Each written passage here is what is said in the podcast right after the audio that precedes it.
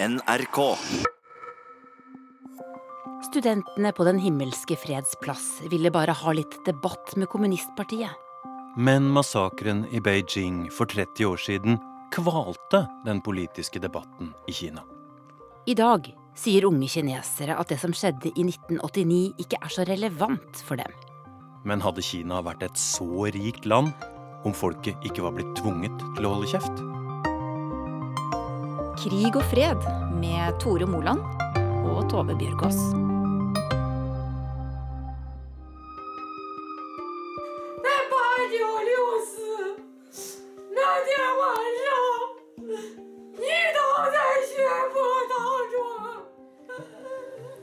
Så her sitter det en kvinne på sine eldre dager med et lys i hendene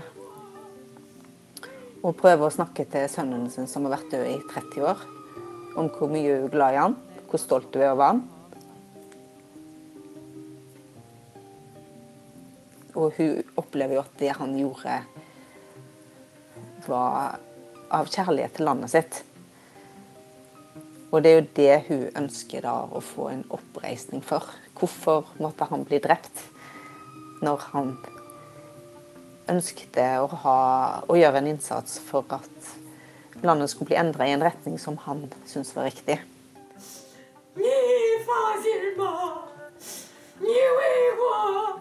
Det er jo hjerteskjærende å se at en kvinne som på sine eldre dager, ikke får lov å snakke fritt om barnet sitt. Uten å bli knebla. Jeg heter Kjersti Strømmen og er NRKs Asia-korrespondent. Nå har vi bestemt oss for å se om vi får kontakt med ei kvinne som er mor til en av eh, de som døde i massakren på Den himmelske freds plass. Vi er fremdeles fulgt av iallfall i hvert fall én bil. Kjersti, dette er en del av TV-reportasjen du sendte hjem denne uka, hvor du forsøkte å møte denne moren til en av dem som ble drept i Beijing for 30 år siden. Du klarte aldri å få noe intervju med henne, fordi både hun, du og den kinesiske fotografen din ble overvåket, forfulgt og stanset av kinesiske myndigheter. Det vi hørte først her, er et opptak kvinnen har fått smuglet ut av leiligheten sin. Hvorfor er det sånn i Kina? Det som nok skjer her, er jo at de avlytter de som eh, journalister sannsynligvis ønsker å treffe. Altså folk som har tidligere snakka om tjenermenn, Tiananmen, og som bærer vitnesbyrd. Når vi ser i reportasjen at flere biler kjører etter deg på, på motorveien, da vet de hvor dere er på vei hen? Ja, eh, altså hvor de begynner eh, denne overvåkningen, det vet vi jo ikke. Men eh, når vi bestiller billetter og hotell, så har vi jo en type eh, altså Så vil jo passene og identifikasjonspapirene våre bli registrert. Sånn at det er jo umulig å skjule at man skal på reise et eller annet sted. Vi prøver å riste av oss skyggen på motorveien, men oppdager at det nå er minst tre biler etter oss. En av dem er en drosje. 为什么跟着我们？哪个我？没有啊。有啊。 På et tidspunkt så stopper dere, og så går du bort til taxien, banker på ruta. Han sveiver ned ruta, og du spør hvorfor følger dere etter oss. Hvorfor Ja. gjorde du det? Ja, det er et eh, godt spørsmål. Eh, Jeg ønsker jo svar på hvorfor eh, de følger etter oss, men det er òg for å vise at vi ikke lar oss skremme. Jeg tenker jo at det er svært viktig å vise at selv om de prøver å hindre oss i å gjøre jobben, gjøre jobben vår, så kommer vi fra land der vi vil eh, ha fram sannheten. Var du redd når du sto der foran taxien? Nei, det var jeg ikke, fordi eh, vi bestemte oss for å konfrontere de på et offentlig sted. Vi visste at det var ikke noe spesielt lurt å gjøre det på en øde parkeringsplass. Men eh, her var det en bensinstasjon med andre folk til stede. Og da var det lite sannsynlig at eh, det ville gå noe lenger enn at vi fikk en muntlig konfrontasjon.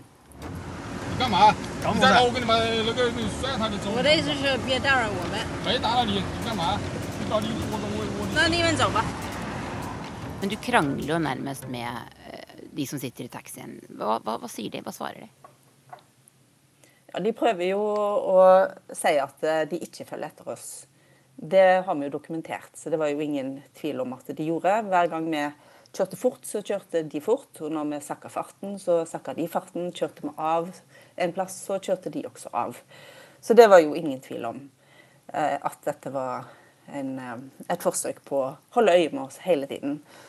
Og så, når jeg da insisterer på at jo, det gjør dere, så sier de at eh, det har ikke vi noe med. Og eh, at hvis vi fortsetter å filme, så skal de ødelegge kameraet. Ødelegge kameraet. Ja. Men vi ønsker å vite hvem han var, sønnen som ble drept. Vi kommer ikke lenger enn til inngangsdøra før folk omringer oss. Hennes eh, versjon òg når vi kommer der og banker på døra, er jo at eh, tusen takk, jeg kan ikke treffe dere, jeg er syk. Så det oppfatter jeg som den eh, offisielle forklaringen hun har vært nødt til å gi oss. Fordi at når det er så mange mennesker rundt, så vil det bety store problemer for alle involverte dersom hun skulle åpne døra.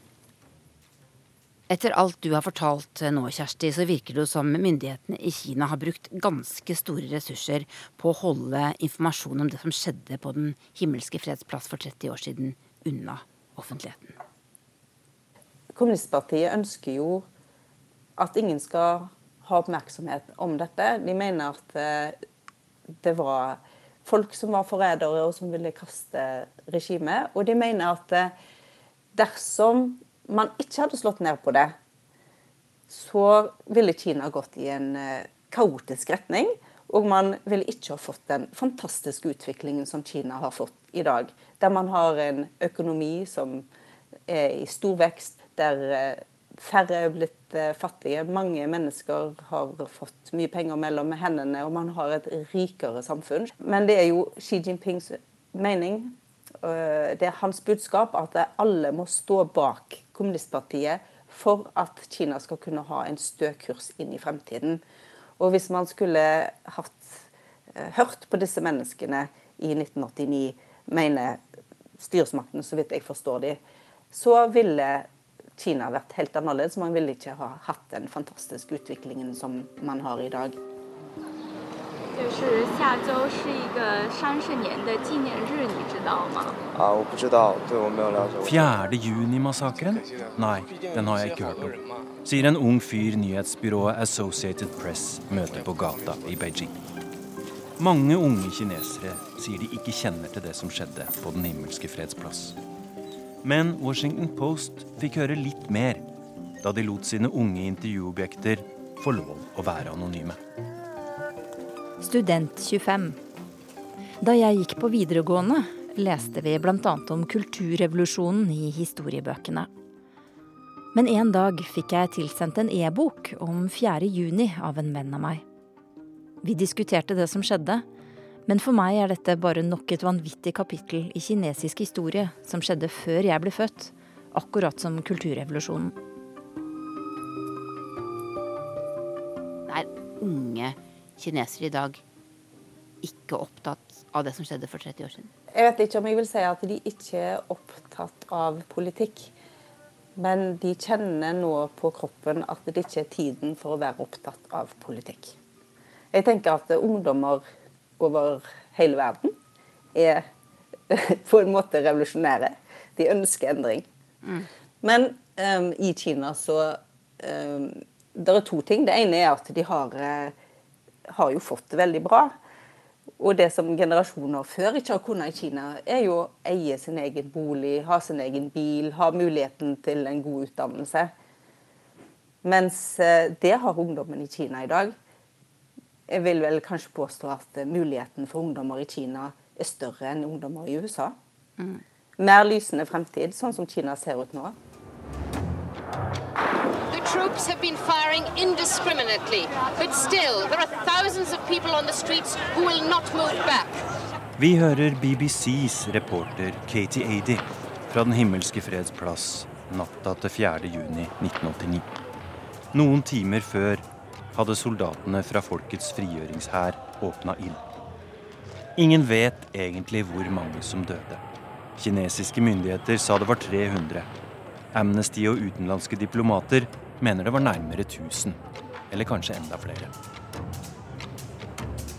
Altså, Vi korrespondenter var veldig, veldig velkomne på plassen. Og 2. juni, da, da jeg fortalte en student at uh, nå, nå, tror jeg nok dette er over. Og så tok han altså, han hadde sånn pannebånd hvor det sto 'frihet og kamp for frihet og demokrati'. Og det ga han meg, da, og det pannebåndet har jeg fortsatt på arbeidspulten min. Og han har jeg aldri sett igjen. Jeg heter Terje Svabø. Eh, jeg er eh, frilansjournalist. Driver mest med å lede konferanser og debatter og skrive litt. Og i 1989 var jeg Aftenpostens korrespondent i Asia, og bodde da i Beijing.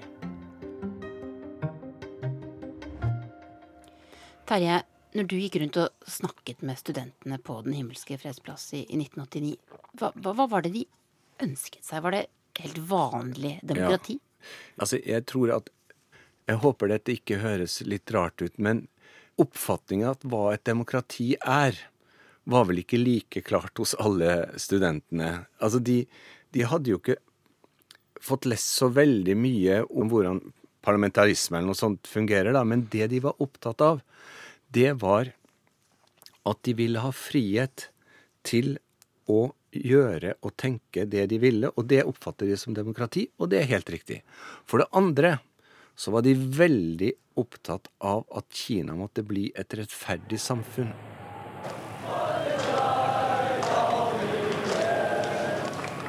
Det begynte ved at 15. april så døde Hu Yaobang.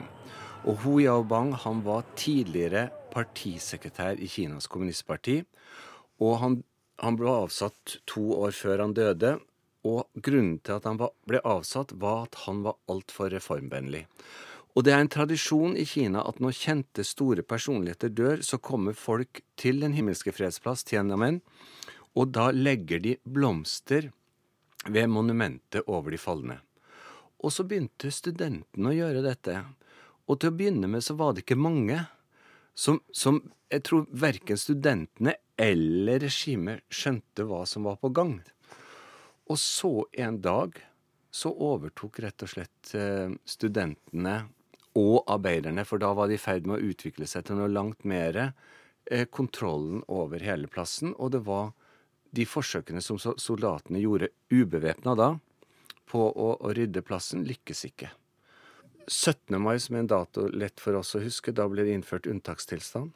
Likevel trossa det med at det var over en million som var ute og gikk i gatene, og det var helt klart at dette for lengst var blitt et folkeopprør. Folk gikk gjennom gatene fra vinduer på, i, i, fabrikker, butikker, forskningsinstitusjoner som lå et hangde bannere med støtte. Hva sto det på de? Kravene var jo demokrati. Mer rettferdighet, et mer åpent samfunn og ikke minst slutt på korrupsjon. Så det var støtte til disse, disse, kravene, og folk kom ut fra butikkene med vann og mat og ga til de som gikk da i demonstrasjonstog. Og så eh, fortsatte dette fram mot uh, juni.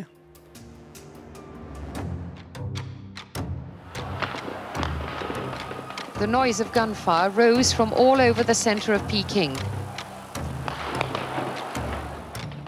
natta til 4. juni, så kom de, kom de fra, både, fra alle himmelretningene, men de aller fleste soldatene og stridsvognene kom fra, eh, fra, vest.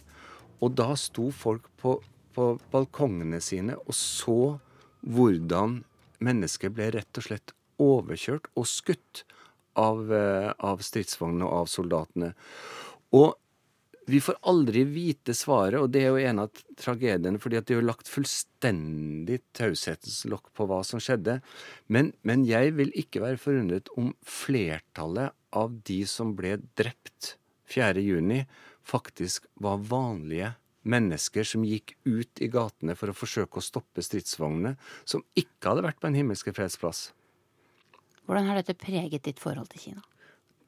Jeg holder ganske mye foredrag om, om Kina, og da begynner jeg med følgende eh, setning. Til Kina har jeg et hat-kjærlighetsforhold. Fordi jeg hater det regimet, og jeg syns at den måten vi logrer her i Norge nå for, for, dette diktaturet, er helt forkastelig. Samtidig som når du er Og jeg har vært i Kina så å si hvert år etterpå. Du møter altså så mye trivelige folk. Det er jo et så spennende og rikt land. Og, og, det er god mat og flott natur og folkeliv og kultur. Så det, det, er, det er veldig, veldig sammensatt.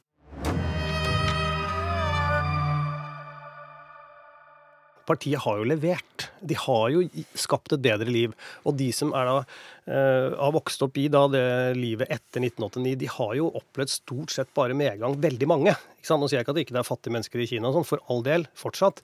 Men de fleste unge mennesker da, de har jo levd i en tid hvor, hvor, det bare har blitt bedre i Kina. Så da er det klart at det gjør det jo ekstra vanskelig da, å stå opp imot partiet for en sak da som egentlig skjedde for 30 år siden, som du ikke føler er din sak. Henning Christoffersen heter jeg. Jeg har eh, jobbet eh, med og i Kina i hele mitt eh, voksne liv. Det dreier seg snart om 30 år. Jeg er sosialantropolog. Jeg har bodd i Kina tre ganger. I 99 og i 2004, og nå sist i 2016. Til sammen seks år har jeg bodd i Kina. Henning, du kom faktisk til Kina for første gang i 1989. Men det var ikke for å besøke Den himmelske freds plass? Nei, det var, det var, ikke det. Jeg ble sendt dit av faren min eh, for å kjøpe hagemøbler. Jeg kommer fra en sånn kremmerfamilie i Sandefjord, og vi hadde eh, et hagesenter og blomsterbutikk. Og så fant faren min ut at det var mye lurere å kjøpe dette direkte der det ble laget, istedenfor etter at det har gått gjennom mange ledd og kjøpe det dyrt. Så da sendte han meg dit. Så det var mitt eh, rett og slett brutale møte. Men jeg var da i, kom til Hongkong, som den gang var eh, vel eh, offisielt England, fortsatt Storbritannia. Men uh, endte da opp med å de neste årene handle en del varer rett og slett i uh, Sør-Kina. Fylle containere og, sende hjem. Og forhandle med kinesere. Og forhandle med kinesere. Det var en, et brutalt møte med kinesisk forretningskultur, vil jeg si. Kineserne er fantastiske, flinke forretningsfolk. Så Hvordan da?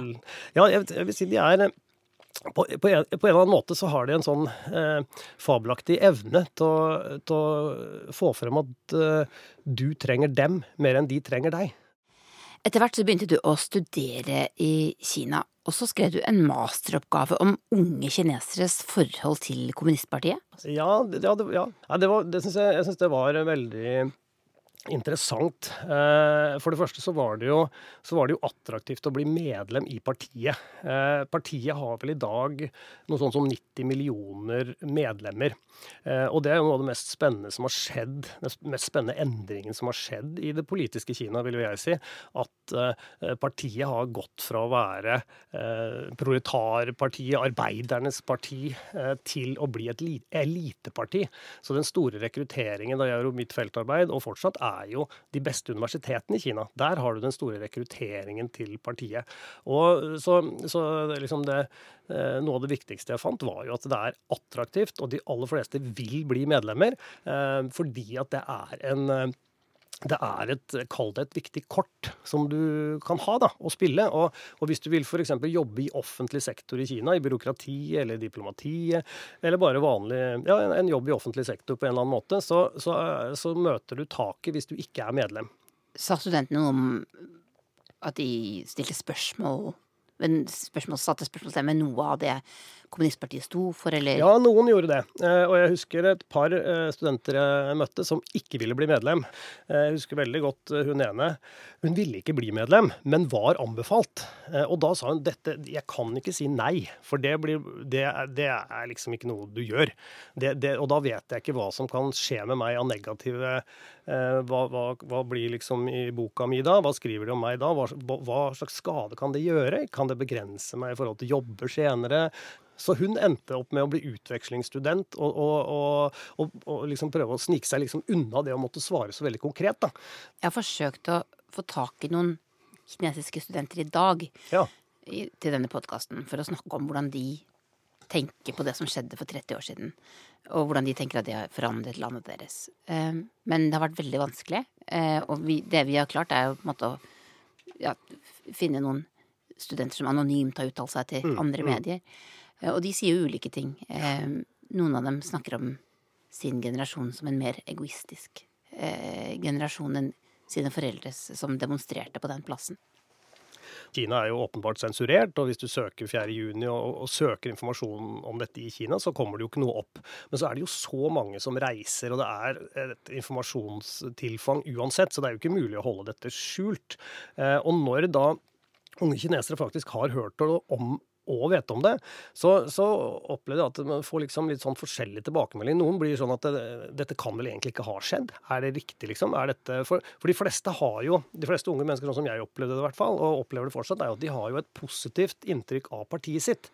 Det er ikke det at ikke de vet at det er korrupsjon og at det er eh, sensur og alle disse tingene der, men tross alt så leverer jo partiet de leverer vekst, og alle har fått det veldig mye bedre enn de hadde det før, osv. osv. Så, så, så de har i utgangspunktet et sånt positivt bilde av partiet. Og da er det klart at det blir voldsomt å høre at det er faktisk det samme partiet som gjorde dette her for 30 år siden. Og så er det da Noen da synes, tenker jo at ja, men, men hva skal jeg gjøre med dette her? Hvordan skal jeg forholde meg til dette her? Er dette viktig for meg? Ja, ikke sant. Er dette viktig for meg? Og, og hvis det er det, da, hva, hva, hva, skal jeg faktisk gjøre for noe? Skal jeg opp på barrikadene og, og kjempe denne eh, kampen her mot et parti da som ikke har tatt et oppgjør med det? IT-arbeider 29. Jeg tror aldri vi får se et nytt 4. juni i Kina. Moderne teknologi setter en stopper for det. Med digitale overvåkningssystemer er myndighetene i stand til å knekke enhver protest før den får vokse. Overvåkning eh, og avlytting og Mm. bruk av teknologi til dette er jo også noe som har økt veldig Absolutt. de siste årene under Xi. Eh, Mm. hvor, hvor viktig er det for at Kina skal nå disse store målene? For Kina, for partiet er det veldig viktig. Um, dette poengsystemet som de bygger opp, hvor de, hvor de, som er et sånn testregime frem til 2020. Og så er jo en, et mål om å ha et nasjonalt system hvor, hvor folk får poeng ut ifra deres uh, oppførsel og atferd. Uh, og da er Overvåkning er jo også da en sentral del av det. Så det er et sikkerhetsperspektiv. Kontrollaspektet, åpenbart.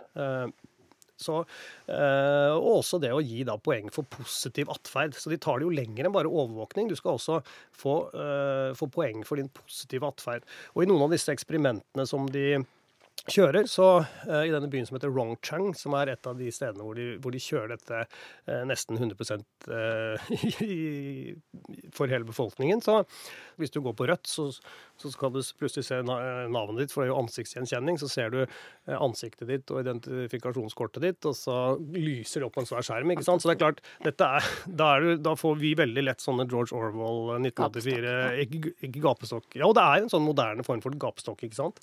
De har jo til og med TV-programmer om kvelden i denne byen hvor de da viser sånn viser hva som har skjedd i løpet av dagen. Og hva, sånn, hvem som gikk rødt. Nettopp, ikke sant. For partiet så er dette her faktisk det er blitt sett, Dette er innovasjon, og det er svært viktig for at Kina skal nå sine mål.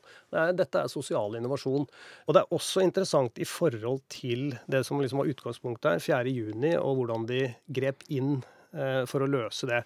Da går det jo inn altfor seint vil garantert lederne si i dag. Nå har de jo en helt annen sofistikert måte å både overvåke og kontrollere befolkningen. Så sannsynligheten for at du får noe sånt igjen, den er eh, nesten ikke til stede, vil jeg si. Fordi at nå har de så mye informasjon og vil eh, stoppe dette i eh, lang, lang tid før det, før det får lov å bygge seg opp. Lenge, lenge før du får en sånn ansamling av folk. Kjersti, du har bodd i Kina i flere perioder og er nå korrespondent der for andre gang. Jeg er helt sikker på at du har en kjærlighet til dette landet til tross for alt det du opplever akkurat nå, for eksempel. Hvordan har denne kjærligheten utviklet seg de siste årene? Jeg tror eh, man enten blir veldig glad i Kina fordi det utfordrer deg sånn. At du kan ikke la være at det blir en del av deg hvis du står i det. Men ellers så blir du skikkelig fedd opp, og så drar du bare derfra. Sånn at kjærligheten til landet blir jo sterkere når du føler at det blir en del av deg. Nettopp pga. den motstanden du møter. Det utfordrer på så veldig mange nivå Kina. Altså det er språket, det er kulturen, det er eh, ja, eh, måten å gjøre ting på. Eh, men også at det er et man får Jeg har iallfall fått en veldig kjærlighet til folket. Men det som er, er jo at Kommunistpartiet vil jo mene at man kan ikke ha en kjærlighet til Kina dersom man også kritiserer Kina. Det er det samme for de som demonstrerte i 1989. At de som er gjenlevende fra denne tiden, mener at de gjorde det de gjorde. De demonstrerte fordi de har en kjærlighet til landet sitt, og de vil ha endring. Men så ble de altså stempla nesten som landsforrædere.